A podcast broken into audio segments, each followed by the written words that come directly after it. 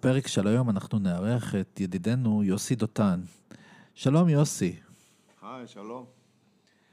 יוסי, אני אשמח שהמאזינים שלנו קודם כל ישמעו כמה מילים עליך. אתה מבלה איתנו הרבה ומרצה לנו. ספר קצת, מה אתה עושה?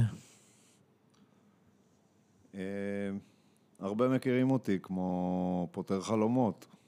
אה, ואחרי זה גם אה, הבאתי נקודות מבט חדשות על המציאות, כמו שהחלום עושה.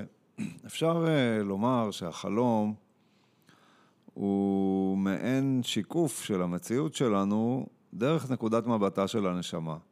כי אנחנו גם גוף וגם מחשבות וגם רגשות וגם כל הפעולות שאנחנו מכירים מהמציאות, אבל אנחנו גם אינסופיים וגם אנחנו נמצאים בכל מקום וגם אנחנו אף פעם לא מתים וגם יש לנו את כל הידע שבעולם. יש לנו חלק כזה שאנחנו קוראים לו נשמה, והגוף הוא ביטוי של הנשמה.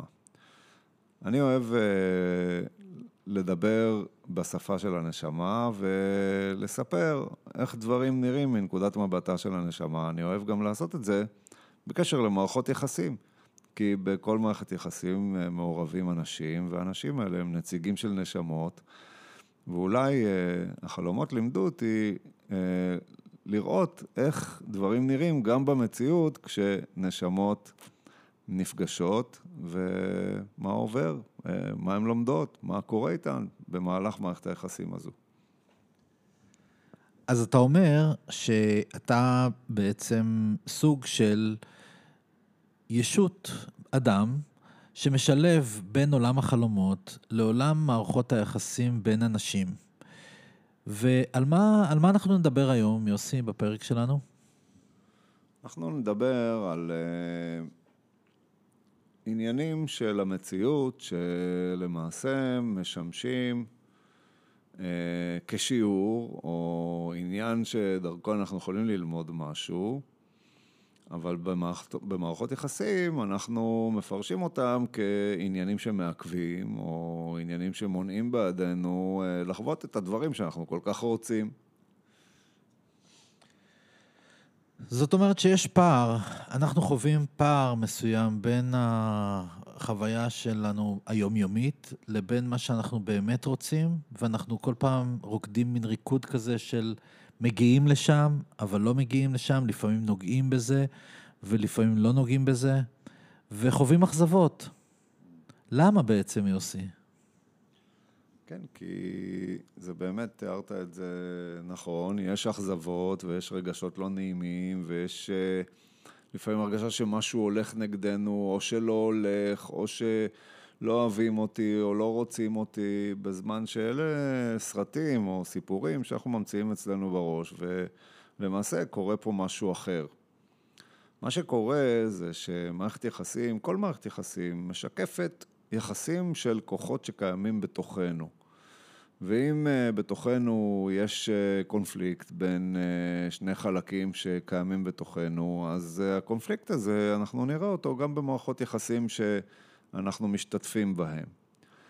העניין הוא שכמה שלא ננסה לאלץ את מערכת היחסים להיראות טובה יותר דרך אמצעים חיצוניים, בסופו של דבר נגיע לאותן... Uh, בעיות או אותם קשיים או לאותם עניינים שנדמה לנו שהם לא הולכים ומהם באמת נולדות אכזבות או חוסר אמון או כל מיני דברים כאלה. וזה מה שרציתי אה, אה, לדבר בפודקאסט הזה. מה, מה הם אה, אותם עניינים מעכבים ואיך אנחנו יכולים להיות יותר ערניים אליהם כדי להימנע מלספר לעצמנו כל מיני סיפורים שהרבה פעמים לא עושים לנו הרגשה טובה. אתה יודע, יוסי, שהרבה מאוד תורות אה, שאנחנו לומדים בעולם התודעה והמודעות, מדברים על נושא של אמונות מעכבות, מדברים על נושא של כל מיני סיבות שמביאות אותנו ל... לא להגיע למצב שאנחנו מממשים את מה שאנחנו חושבים שאנחנו רוצים. אני במיוחד אומר מה שאנחנו חושבים שאנחנו רוצים. אה, ומה הגישה שלך לעניין הזה? אתה גם חושב או מדבר על נושא של אה, אמונות מעכבות? אה, יכול להיות. אמונות מעכבות או סיפורים שאנחנו מספרים לעצמנו זה בעצם אותו דבר. ובזמן שסיפור שהמחשבות שלנו ממציאות, מתנגש עם הסיפור של החיים שלנו עצמנו, סיפור שדרכו אנחנו יכולים לחוות הגשמה עצמית, אז ההתנגשות הזו בהחלט יוצרת הרגשה לא נעימה. אבל אני הייתי רוצה להתחיל מעניין מאוד מאוד יסודי, שקשור מאוד מאוד במערכות יחסים, אבל לא רק במערכות יחסים, אלא למעשה בכל דבר ועניין כמעט שאנחנו אה, עושים במהלך ימי חיינו. אה, אני רוצה לדבר על, בוא נאמר, השורש של כל כאב. השורש של כל עניין שבסופו של דבר מתפתח לאמונות מעכבות, או סיפורים שאנחנו מספרים לעצמנו, או כל מיני קשיים שאנחנו חווים ומונים בעדינו אה, אה, לפעול במציאות בדרך הנעימה, אה, בדרך שאין בה מאמץ, בדרך שבה אנחנו חווים שדברים קורים כמו שצריכים לקרות, שאלוהים אוהב אותנו, ש... שפשוט אנחנו מחוברים היטב אל עצמנו ועושים נכון כל דבר שאנחנו עושים ונהנים, כי זה בעצם הסימן שהמעשים שלנו הם נכונים. אז איפה כל העניין הזה מתחיל? העניין הזה מתחיל ברגע שאנחנו נולדים. כי שם בעצם הנשמה חווה מעבר ממימד אינסופי לתוך גוף שהוא מאוד מאוד מצומצם, בטח התינוק שעדיין ממש ממש קטן, עדיין אין לו הרבה מחשבות, עדיין אין לו הכרה בכלל שהוא קיים, הוא לא יודע מי הוא בכלל. אישיות מתפתחת רק בשלב מאוחר יותר. Uh, התינוק הזה צריך רק דבר אחד מהחוץ, הוא צריך שיראו אותו, הוא צריך שמישהו יראה איזה מהות הוא, איזה נשמה באה ונכנסה עכשיו לתוך גוף, ואף אחד לא רואה. Uh, כמו שלא ראו אותי ולא ראו כנראה גם אותך, ואולי לא ראו אף בן אדם בעולם, כי אנחנו לא רגילים לבוא ולזהות אנשים לפי איזה נשמה הם או לפי איזה ייעוד הם באו לעשות בעולם. מכיוון שיש את החוסר הזה בלא רואים אותי, אנחנו מתחילים לפתח אישיות, שאישיות היא מעין בגד, היא מעין אה, תו זיהוי קל יותר. קל יותר לזהות בן אדם חכם, או בן אדם עצבני, או בן אדם שובב, או בן אדם מצחיק, מאשר לזהות איזה נשמה ואיזה ייעוד הוא בא להביא לעולם. אז אנחנו מפתחים לעצמנו אישיות, והאישיות הזו היא כמו בגד, שקל לנו יותר לתקשר ביום-יום באמצעותו, אבל הבגד הזה גם מסתיר את הנשמה שנמצאת מתחת, את המהות שלנו, אז מצד אחד רואים אותנו, אבל לא רואים אותנו האמיתיים. הנשמה משרתת אותנו בהרבה תפקודים יומיומיים, אבל uh, האישיות היא כלי הרבה יותר יעיל מבחינת תקשורת יומיומית בעבודה, במערכות יחסים אה, שהן לא עמוקות כל כך. מתי שאנחנו מגיעים אל הזוגיות, אז אנחנו מצפים שהקשר יהיה עמוק, שיהיה קשר של נשמות, שיהיה קשר נפשי עמוק, שיהיה קשר רגשי עמוק, ואז אנחנו מגלים עולם חדש של אה, ההשפעה של האישיות על חיינו. כי עד שלא הגענו למערכת יחסים זוגית, ובהמשך גם למערכת יחסים הורית, לא נדרשנו ללכת כל כך עמוק, ולא אה, לא היה שום חוסר בקשר היותר העמוק, והאישיות די סיפקה את העבודה. יש אנשים שדי מתמכרים לעניין הזה, וממשיכים לנהל קשרים רדודים כל ימי חייהם, והאישיות מספיק טובה בשבילה, בשביל לייצר את הקשר הזה. אבל אם... הם אה, נפגשים עם מערכת יחסים עמוקה יותר, שם כבר אנחנו צריכים להתפשט, שם אנחנו צריכים להוריד את האישיות ולגלות מי אנחנו עצמנו כדי לקיים קשר אה, עמוק יותר ונפשי יותר.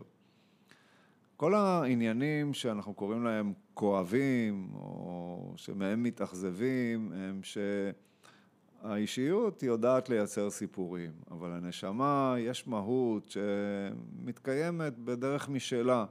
וכשהסיפורים שהאישיות מייצרת מתנגשים עם המהות שיש לנו שם בפנים, בנשמה, אז אנחנו בעצם חווים מצב שאנחנו לא, לא יודעים לזהות, אנחנו חושבים שהוא כואב כי משהו לא הולך, אבל בעצם אה, אנחנו חווים משהו שהוא איזשהו כאב אה, יסודי של לא ראו אותי, בהמשך זה מתפתח ללא ראו אותי כי העדיפו את האח הגדול שלי או את האחות הקטנה שלי, או לא ראו אותי כי אה, אולי אני לא מספיק יפה, אולי אני לא מספיק חכם, או לא ראו אותי מאלף ואחת סיבות.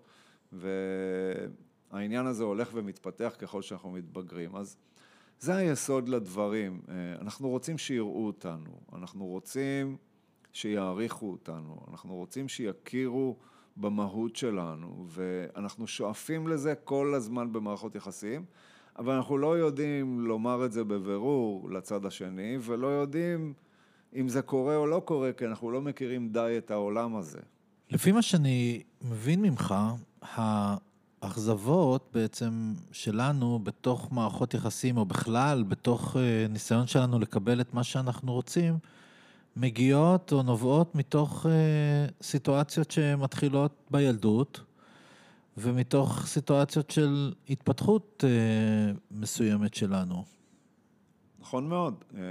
אתה מכיר את התופעה הזאת שילד שותק, אה, ואתה רואה שהוא עצוב או רוצה משהו, אבל הוא שותק. אתה אומר לו, מה אתה רוצה? שום דבר. או בוא תדבר איתי, לא, זה...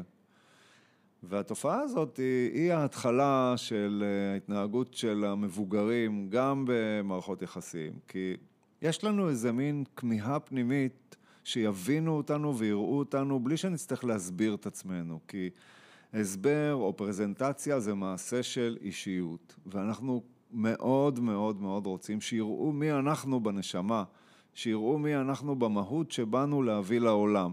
וברגע שאנחנו צריכים להסביר את עצמנו, אז זה כבר, זה כבר אותו כיסוי עצמו, והילד נאבק על העניין הזה, הוא נאבק על זה שבלי להסביר, אימא שלו תדע מה הוא רוצה, ובלי להסביר, אבא שלו יכיר ברגשות שלו.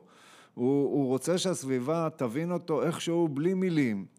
ואז אנחנו מחנכים את הילדים, תסביר מה אתה רוצה, תגיד מה שאתה רוצה, ת, תגיד לי באיזה תנאים, ובעצם אנחנו לא מבינים את הכמיהה הזאת, ושם העניינים מתחילים לקרות. אתה יודע, אתה, אתה מתאר מצב שכמעט ואין מערכת יחסים שלא חווה את זה, שבה אה, אתה מצפה מהצד השני, מבן או בת הזוג, שיבינו אותך באמת ללא מילים, שיבינו שאם נאמר משהו שהוא לא במקום, אז הוא זה שגרם לך, הוריד אותך, הוריד אותה, במרכאות. וזה משהו שהוא יומיומי ב- ב- בכל מקום. הרבה פעמים זה אפילו גורם לפרדות או גירושים במקרים יותר חמורים.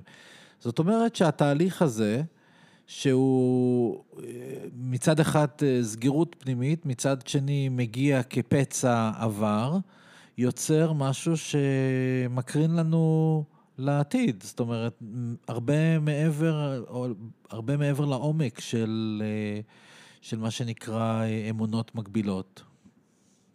נכון, אבל עוד פעם, קראת לזה סגירות, סגירות זה מנקודת מבט מסוימת, מנקודת מבט של האישיות, או אפשר לומר נקודת מבט פסיכולוגית, כן? הילד לא מבטא את מה שהוא רוצה לקבל מהסביבה שלו, או את ההרגשות אה, שלו לגבי מצב מסוים, או את הרצונות שלו אה, שהוא מעוניין שיגשימו עבורו, וכך גם בן הזוג או בת הזוג שותקים, אה, ואני שומע בקליניקה הרבה את המושג שותקת לי, ושותקת לי זה מעשה אלים, זה לא פחות מאשר אלימות, כשבן זוג שותק לך. ואנחנו חושבים שיש כאן איזו אטימות או סגירות, אבל יש משהו אחר מנקודת מבטה של הנשמה, כי זו נקודת מבט פסיכולוגית. מנקודת מבטה של הנשמה יש, יש בעצם מצב שהילד או השותף למערכת יחסים לא רוצה לוותר, הוא לא רוצה לוותר על הסיכוי, אפילו אם הוא קטן מאוד, שמישהו יבין אותו בלי שהוא יצטרך להסביר אותו. שמישהו יבין מי הוא, איזה מהות הוא, איזה נשמה הוא, בלי שהוא יצטרך לבוא ולתת איזה כיסוי ש... אני קורא לו אישיות, של הסבר לוגי, של מה אני רוצה, של למה אני רוצה, או איך הדבר הזה יקדם אותי, או אם תתנהג ככה, אז אנחנו נהיה ביחסים יותר טובים.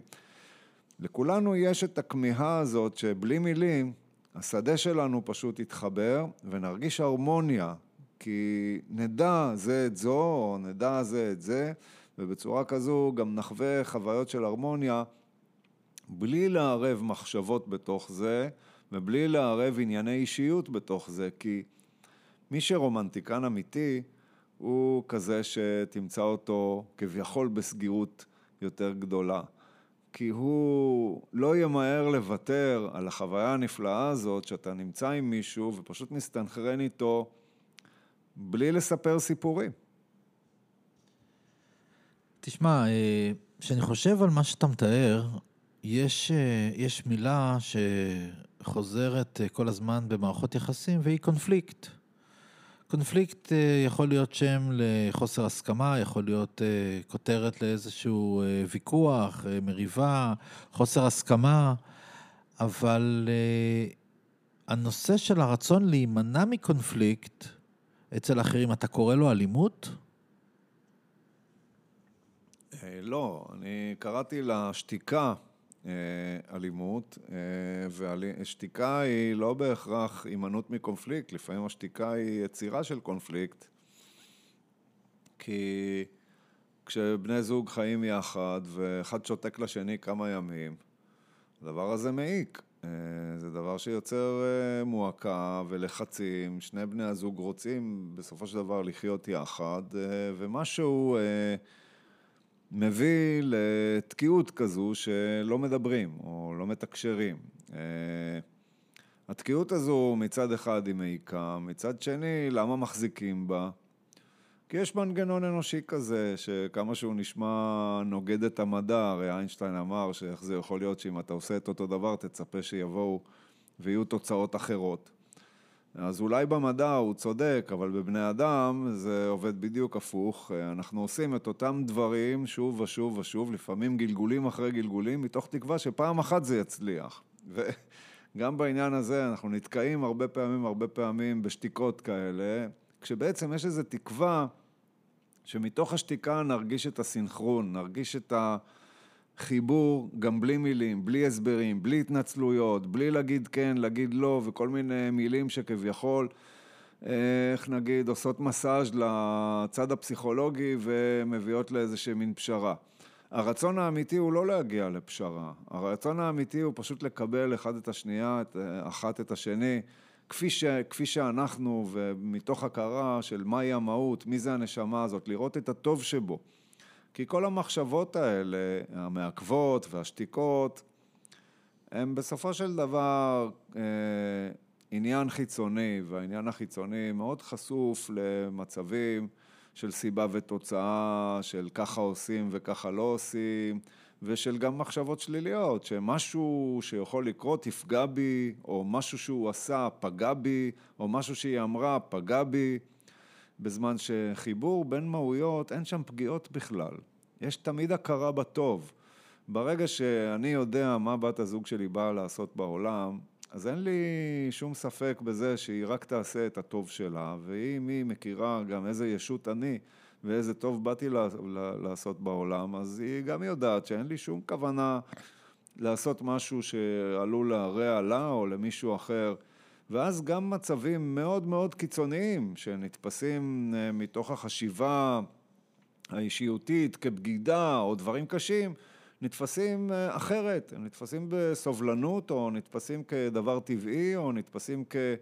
זה הבן אדם, זה מי שהוא או זה מי שהיא ואני אוהב אותה, אז איך שהיא, אז ככה אני אוהב אותה, ולא אה, בלי איזשהו רצון לבוא ולעשות עיצוב מחדש או תיקון של מישהו שאני חי איתו. אה, בכלל, אם אנחנו מעלים את העניין הזה, צריך מאוד מאוד אה, להיות ערניים לאיזשהו רצון שמתעורר, לתקן את בן הזוג, או לשדרג אותו, או להפוך אותו להיות מפותח יותר, או ללמד אותו. נקודת ההתחלה היא תמיד לאהוב את מה שיש, ומשם אפשר להמשיך הלאה. וואו, האמת היא שהחומר הזה, או התובנות האלו, הן עמוקות מאוד. ואני חושב שגם המאזינים שלנו צריכים להרהר בזה קצת כדי ליישם את זה, כי זה לא נשמע פשוט. הרבה פעמים יש לנו בתוך הסלט הזה מרכיב שנקרא אגו, שמפריע לנו ושולט בסיטואציות מסוימות. מה שיוצר את אותם קונפליקטים שדיברנו עליהם. נכון, אה, ואני חושב שבשיחות שלנו פה, בפודקאסט שלנו, אה, זה מה שאנחנו מביאים. אנחנו יכולים להביא נקודת מבט אחרת,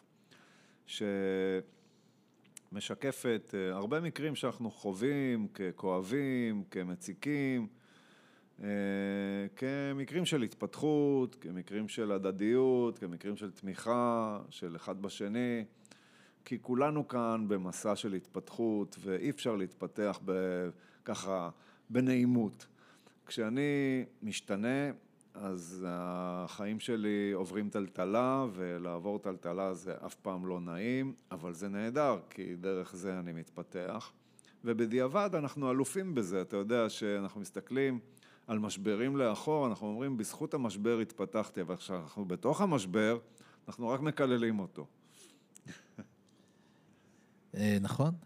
תגיד לי, יוסי, אני, אני רוצה לקחת אותנו רגע לכיוון אה, טיפה שונה, אבל להישאר באותו נושא. אתה יודע, אני פוגש אה, הרבה מאוד אנשים, גברים, נשים, שאחרי תהליכים מאוד מאוד ארוכים של הלבד שלהם,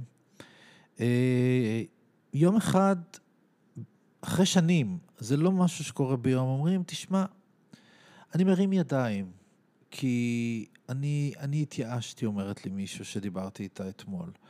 אה, אולי אני לא מתאים או מתאימה לזוגיות, אולי המערכת אה, נישואים שהייתה לי, אה, אה, היא, היא הייתה ו, וזהו ו, וכן הלאה. זאת אומרת, יש, יש המון המון סיטואציות שאנשים... אה, פשוט מרימים ידיים ואולי, והם חושבים באמת ובתמים, אולי חלק ממערכת ההגנה שלהם, שהם לא רוצים, לא צריכים, לא יהיו בזוגיות. מה אתה אומר להם? כי עד עכשיו דיברנו על אנשים שעומדים בתוך מערכת זוגית ויש שם משהו שחוסם, אבל מי שעומד מבחוץ, מה אתה אומר להם? כן, זו שאלה שעולה כמעט בכל הרצאה או סדנה בנושא זוגיות. תמיד השאלה הזאת עולה, והתשובה שלי היא תמיד, כל אחד רוצה זוגיות, כל אחד וכל אחת רוצים זוגיות.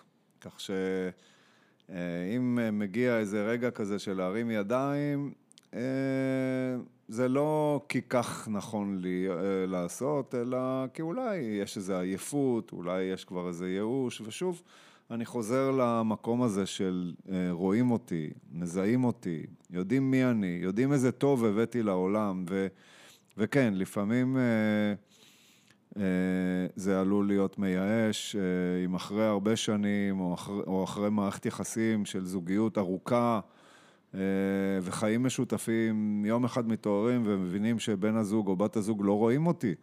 אה, אנחנו יחד כי חשבנו שהתאהבנו, אנחנו יחד כי הבאנו ילדים, אנחנו יחד כי אה, עשינו בסיס כלכלי, אבל היא לא רואה אותי ואני לא רואה אותה. וכשמתעוררים לזה, האכזבה היא מאוד גדולה.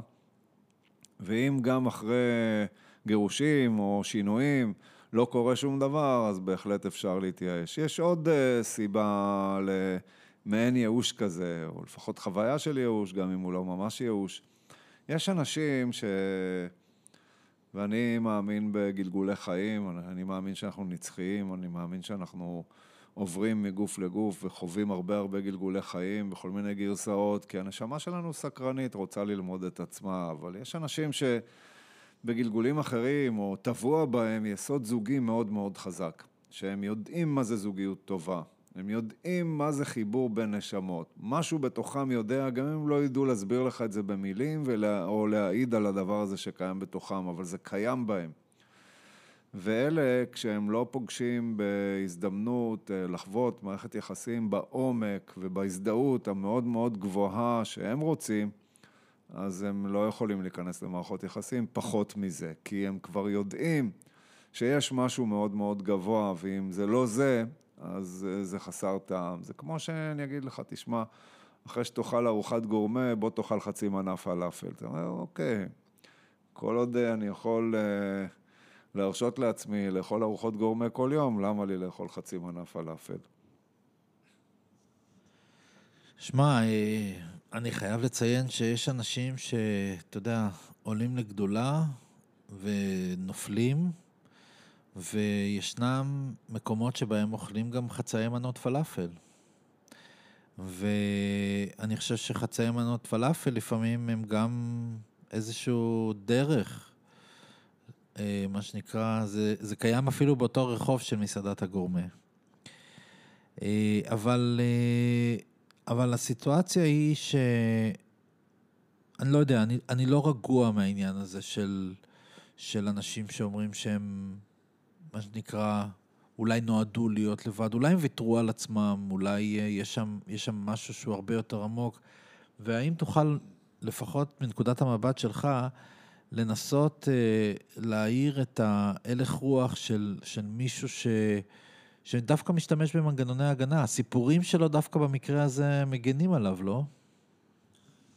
אה, תראה, הלהרים ידיים זה לאכול חצי מנה פלאפל. אה, כי איזה הרגשה זה שאתה נכנס למערכת יחסים, ואתה חושב שזו שאתה מנהל איתה מערכת יחסים, או זה שהיא מנהלת איתו מערכת יחסים, הוא חצי מנה פלאפל ולא הדבר הכי הכי הכי מדהים בעולם.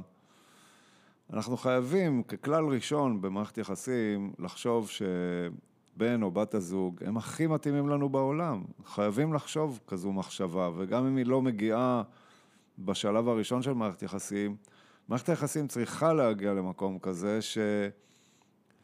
אני יכול להתבטא כמו, כן, היא לא מושלמת, אבל היא הכי טובה בשבילי. היא הנשמה שאני הכי רוצה לחלוק איתה את חיי. ויכול להיות שיום אחד זה יעבור, ואני אמצא מישהי אחרת שמתאימה לחוויה הזאת, או להמשך החוויה הזו בתקופת חיים אחרת, בגיל אחר. כך שהחוויה הזאת היא לא מובילה אותי בהכרח להיות עם אותו, אותה בת זוג אה, לכל החיים, כי אנחנו חיים היום חיים שאבותינו לא חיו, אנחנו יכולים לחיות אה, בעידן שלנו שנה, מה שחיו פעם 40 שנה, אז אה, אם אני תלמיד טוב, ואני יודע לנהל מערכת יחסים בצורה עמוקה, ואנחנו מצליחים ללמוד כל מיני דברים, לפעמים אנחנו צריכים להמשיך הלאה. לא תמיד, אבל קורה, וזה בסדר. אז העניין הזה של להסתפק בפחות, זה לא פחות טוב בשבילי, כמו שזה לא טוב גם בשביל בת הזוג או בן הזוג, ואני אה, ממליץ אה, תמיד למצוא את הדבר הכי טוב במערכת יחסים, גם אם זו מערכת יחסים שיצאתי לדייט והכרתי מישהי ובילינו פעם שלוש פעמים, אני צריך לחשוב שהשלוש פעמים האלה שפגשתי הם היו הדבר הכי טוב שהיה יכול לקרות לי באותו רגע, כי דרכם יכולתי להתפתח ולהמשיך את אה, המסלול שלי או את הנתיב שלי, כך ש... לחשוב שמשהו פחות מהכי טוב בעולם הזוגיות, זה, זו, זו מכשלה מאוד מאוד גדולה בעיניי. צריך לברך את מה שיש ולראות את הטוב שבו, וכשאנחנו מתפתחים, אז אנחנו יכולים או להתפתח יחד, או להמשיך להתפתח עם בני זוג אחרים. חלקם מגיעים מהילדות שלנו, מהבית שלנו, מחוויות בגיל צעיר, אני לא אגיד טראומות, כי לא תפקידי להגיד טראומות, אבל בהחלט אה, דברים, חוויות אה, יותר טובות ופחות טובות שחווינו בעבר. ויוסי פה מציע לנו באמת אה, נקודת מבט מאוד רעננה, לבוא הרבה יותר נקיים, הרבה יותר אה, לא שיפוטיים, להסתכל על הסיטואציה ולנסות לייצר משהו שנכון לנו כאן ועכשיו. אה, המאזינים שלנו בטח יודעים, כולה, כולכם יודעים, שהילדים שלנו הם שונים. אני אקח דוגמה ממקום אחר לגמרי ואני אגיד שכשהילדים שלנו שונים והם מתנהגים אחרת אפילו אל ההורים שלהם, אומרים ההורים, איך זה יכול להיות? הרי הילד הזה גדל באותו בית. אז זהו, שהילד הזה לא גדל באותו בית. מי שהיה ההורה כשהיה בגיל 25 או 20 עם הילד הבוגר או הבכור, הוא לא אותו הורה אחרי ארבעה ילדים. זאת אומרת, אה, השתנה, הכל השתנה, התנאים השתנו, כל הסביבה שלנו השתנתה, חוויות החיים שלנו השתנו וגם החוויות שלנו. ואם היית ממליץ לנו, יוסי, על כמה רעיונות, איך לנסות uh, לשטח את, ה, את, ה, את החוויות האלו של העבר ולנסות להגיע נקיים ככל האפשר למערכת יחסים פוטנציאליים כדי לחוות אותה במקסימום כמו שאתה מתאר, תן לנו כמה דוגמאות. אוקיי, okay. רעיון טוב. Uh, אז אני אתחיל uh, לפני העצות או הרעיונות, מתפיסה כזאת שאנחנו צריכים להיות מודעים שיש לנו גם מהות, שהיא הנשמה, וגם אישיות.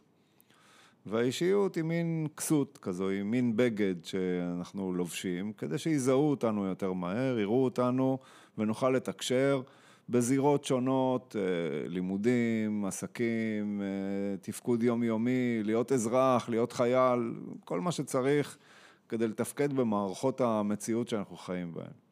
אבל כשאנחנו מגיעים למערכות יחסים עמוקות יותר, כמו זוגיות או הורות, שם כבר אנחנו מתבקשים להתפשט, להוריד את הסממנים החיצוניים האלה של מי אני כאישיות, או אולי אפשר לקרוא לזה גם באיזשהו מקום אגו, אה, ולגלות את מי שאנחנו באמת, כי בקשרים עמוקים אנחנו אמורים לגלות את מי שאנחנו באמת, אה, זוגיות היא אירוע שאמור לפתח את שני בני הזוג.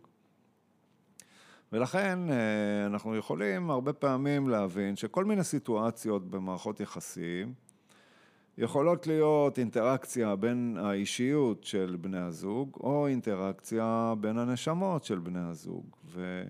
ומראש אני מציע שמערכת יחסים זוגית או הורית או עם אנשים אהובים יהיה בה, תהיה בה מעורבות של קשר בין הנשמות ולא רק קשר של האישיות, כי הקשר של האישיות הוא טוב לעבודה, הוא טוב אה, לקשר עם המוכר בחנות, הוא טוב לכל מיני אנשים שאנחנו צריכים לתפקד איתם, וזוגיות או הורות זה לא עניין תפקודי, זה עניין נשמתי עמוק, לא סתם אנחנו חיים עם מישהו ולא סתם מולידים איתו ילדים ולא סתם הילדים האלה נולדו לנו ולדברים האלה יש משמעות עמוקה. אז העצה שלי, הראשונה ואולי הכי חשובה, תמיד, תמיד, תמיד לשמור על נקודת מבט חיובית על אודות בן זוג. כל מחשבה שבן הזוג רצה להכאיב לי, או רצה להכעיס אותי, או לא עשה מה שרציתי, או עשה איזה משהו שגרם לי לאיזושהי הרגשה לא נעימה, היא מחשבה מכשילה שמפילה את שני בני הזוג ל... ל...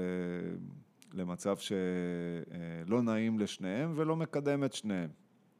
אז תמיד לחשוב מחשבה חיובית. גם אם הדבר נראה כמו מאוד מאוד פוגעני, צריך אה, לבוא ולנסות להבין מנקודת מבט מאוד מאוד גבוהה של מימוש עצמי, של ביטוי עצמי, או של תסכול בשל אי ביטוי עצמי, אה, אה, מה בדיוק המשמעות של המעשה שנעשה. ולא רק על סיבה ותוצאה, זה הוא אמר כדי לעצבן אותי, או היא שתקה כדי לקבל משהו, או... אפשר להניח לסיפורים האלה שרצים בראש. דבר שני, ודיברנו על זה לא מעט בלייבים אה, בעבר, אה, להשתדל לא לנהל שיחות דמיוניות עם בן הזוג. לא לנהל שיחות בראש, כי הרבה פעמים אנחנו, במיוחד בזמנים של אה, חיכוכים או ויכוחים או הרגשה שלא רואים אותי או לא מתחשבים בי או לא מעריכים אותי. אנחנו נוטים לדבר עם הדמות הדמיונית של בן או בת הזוג בראש, להגיע איתה לכל מיני הבנות או ממש להתעצבן ואז אה, להעביר את העצבים האלה לבן זוג במציאות או להסכים הסכמות שלא נעשו במציאות וכביכול אה, הוסכמו רק שנעשו בשיחה דמיונית.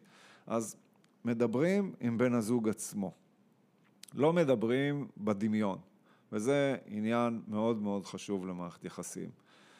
דבר שלישי, ואולי אה, זו העצה שתסכם את העניין הזה שאנחנו מדברים עליו, אה, זה תמיד לזכור שמערכת יחסים אה, נועדה לפתח, והאירועים שקורים בתוך מערכת יחסים, יש בהם איכות שיכולה לאפשר לשני בני הזוג להתפתח. ואנחנו יכולים להתפתח דרך כאב, ואנחנו יכולים להתפתח דרך הנאה.